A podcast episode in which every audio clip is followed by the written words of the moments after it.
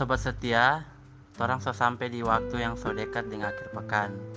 Sebelum torang mau berakhir pekan, yang segala rencana yang akan torang jalani, sekali lagi di hari ini, mari torang doakan for berjalannya vaksinasi COVID-19. Biarlah sekali lagi boleh mau berjalan dengan baik for torang tenaga kesehatan. Torang bersyukur for kerja keras dari torang pemerintah dalam tangan ini peristiwa Sriwijaya. Deng, mari torang doakan keluarga dari peristiwa Sriwijaya yang berduka. Biarlah dorang dikasih penghiburan.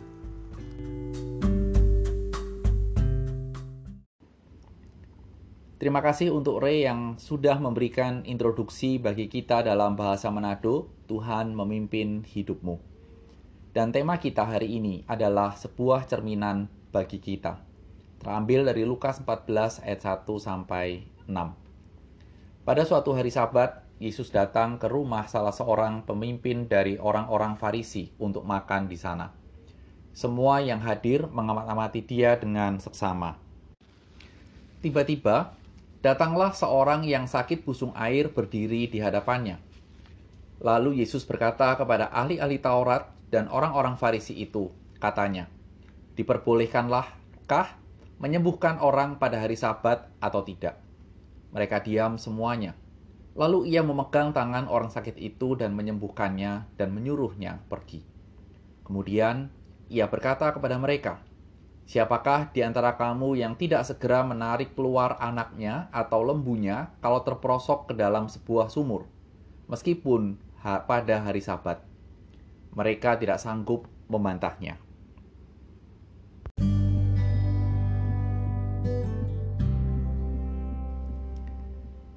Mari terlebih dahulu kita berdoa. Tuhan Yesus menjelang akhir pekan ini, kami kembali merenungkan firman Tuhan. Singkapkan firman-Mu, dan biarlah roh kudus-Mu menolong kami untuk mengerti dan menjadi pelaku dari firman Tuhan. Demi Kristus Tuhan, amin. Sobat setia, di era ini kita bisa mengetahui bahwa kata sultan begitu viral dan kata sultan ini memberikan sebuah gambaran bahwa seseorang bisa hidup suka-suka. Mengapa demikian? Sederhananya adalah karena sultan identik dengan kekayaan, kebebasan yang bisa melakukan apa pun. Sehingga sebuah kalimat yang sering kali diperdengarkan, kalau sultan sih bebas, mau apa aja boleh.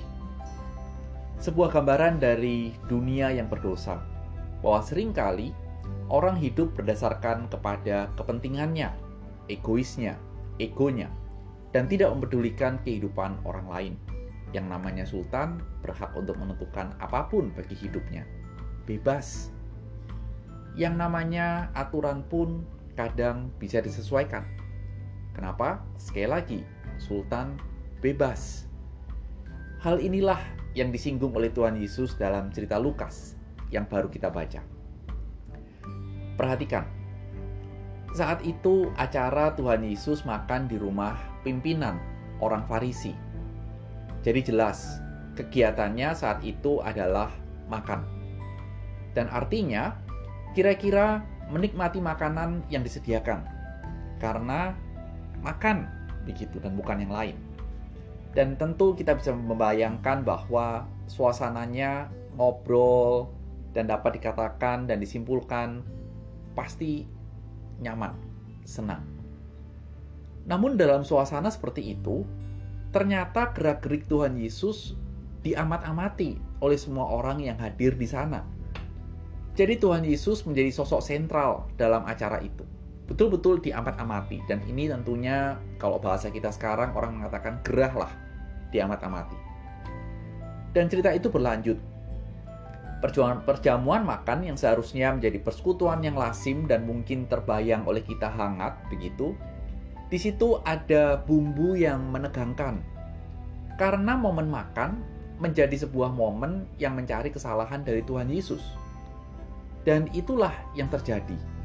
Dan kita tidak tahu apakah pada saat itu Tuhan Yesus bisa menikmati makanan yang disajikan atau tidak. Kalau kita tanya makanannya enak atau tidak, kita nggak tahu. Dan kemudian suasana itu bertambah menjadi lebih rumit. karena tiba-tiba hadir seorang yang sakit busung air. Waduh, ini mau makan kemudian di depan orang-orang itu dan di depan Tuhan Yesus ada orang yang sakit busung air. Sobat setia, busung air itu terjadi karena sakit liver atau gagal ginjal. Kira-kira dua faktor itu yang bisa menyebabkan dan ada faktor yang lain. Sehingga ada cairan yang bocor ke rongga perut sehingga membuat perut itu busung, membesar. Dan inilah yang disebut dengan busung air. Dan kehadiran busung orang yang sakit busung air ini membuat fokus cerita momen pada saat itu perhatiannya berubah. Tidak lagi kepada makan, tetapi pada saat itu Tuhan Yesus langsung bertanya kepada orang-orang yang ada di situ. Dan saya memperkirakan bertanyanya kepada para pemimpin, orang-orang pemuka agama. Pertanyaannya sederhana. Boleh tidak pada hari Sabat menyembuhkan orang yang sakit? Sebuah diskusi dan pertanyaan yang kita pernah bahas di pasal-pasal sebelumnya dan ini sekarang terjadi. Sekarang mendapat pertanyaan seperti itu, para pemuka agama itu ternyata diam. Dia tidak menjawab. Kalau kita tanya, Kenapa diam? Boleh dikatakan tidak tahu. Tidak tahu mengapa orang-orang itu tidak menjawab. Namun kalau kita ingat di pasal 13, di hari sabat Tuhan Yesus langsung menyembuhkan orang yang sakit. Jadi tidak bertanya, langsung menyembuhkan. Dan mereka komplain. Dan mereka mengatakan kepada Tuhan Yesus, engkau melanggar hari sabat. Namun Tuhan Yesus dalam cerita itu membantah semua argumentasi mereka. Sehingga mungkin inilah yang membuat mereka sekarang diam. Sobat setia, kita tidak tahu sekali lagi kenapa mereka diam. Entah mereka sedang berpikir, menyiapkan argumentasi untuk berdebat, kita tidak tahu. Tapi karena mereka diam, Tuhan Yesus segera menyembuhkan orang yang sakit busung air itu. Di ayat yang keempat, kita bisa membaca jelas bahwa Tuhan menyembuhkan. Artinya apa? Artinya adalah sebenarnya mereka secara tidak langsung mengakui bahwa di hari Sabat boleh menolong orang. Tapi ketika mereka mengakui itu, kita pun bisa bertanya, kalau mereka tahu itu, mengapa sebelumnya mereka protes? Dan apakah sekarang dengan artinya mereka diam, mereka seakan-akan menyetujui? Kita sekali lagi tidak bisa menjawab dengan pasti. Tapi satu hal yang bisa kita lihat apa yang dilakukan oleh Tuhan Yesus, Tuhan Yesus sedang menyatakan bahwa sebuah ajaran atau aturan tidak bisa disesuaikan atau digunakan demi atau untuk kepentingan hidup mereka, khususnya para pemuka agama. Bahasa saya dan bahasa dalam podcast ini adalah aturan itu ada dan bisa mereka artikan atau jalankan sesuai dengan kebutuhan dan keinginan mereka. Seakan-akan kalau kita boleh umpamakan para pemuka agama itu sultan. Dan ingat, sultan itu mau apa aja boleh, bebas.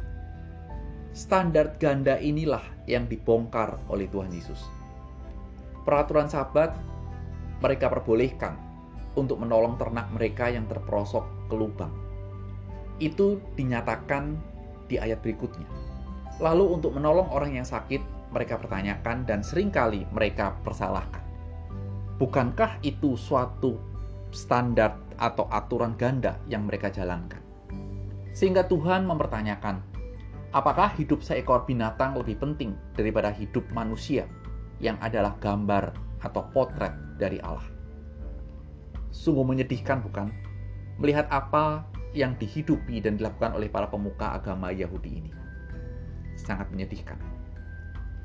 Sobat setia, berkaca dari cerita ini, bercermin dari kisah ini, inilah sebuah cerminan bagi kita.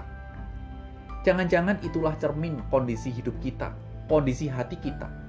Di satu sisi kita merasa tahu banyak pengajaran Alkitab, banyak buku yang kita sudah habiskan, kita ingat ajarannya, konsepnya kuat melekat di dalam ingatan kita dan akal budi kita. Kita giat pelayanan untuk menunjukkan saya anak Tuhan, tapi di sisi lain, sebenarnya hidup yang kita jalani adalah munafik. Karena kita tahu, kita jarang menuntut diri kita untuk menjadi pelaku firman.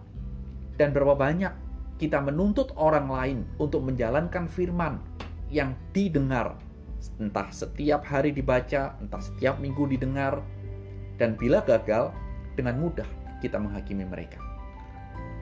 Sobat setia dikasih Tuhan, Tuhan Yesus menegur para pemuka agama dan sekaligus mengkoreksi bahwa pemahaman dan ajaran yang benar tidak menghasilkan sebuah pemahaman yang ganda dalam hidup kita. Tidak boleh seperti itu. Dan inilah yang menjadi sebuah cerminan bagi kita. Apakah hidup kita saat ini seperti para pemuka agama dalam kisah ini yang ditegur dan dikoreksi oleh Tuhan? Sobat setia, sekali lagi kiranya Roh Kudus menolong kita untuk menjadi pelaku firman dan Tuhan memberkati akhir pekan kita.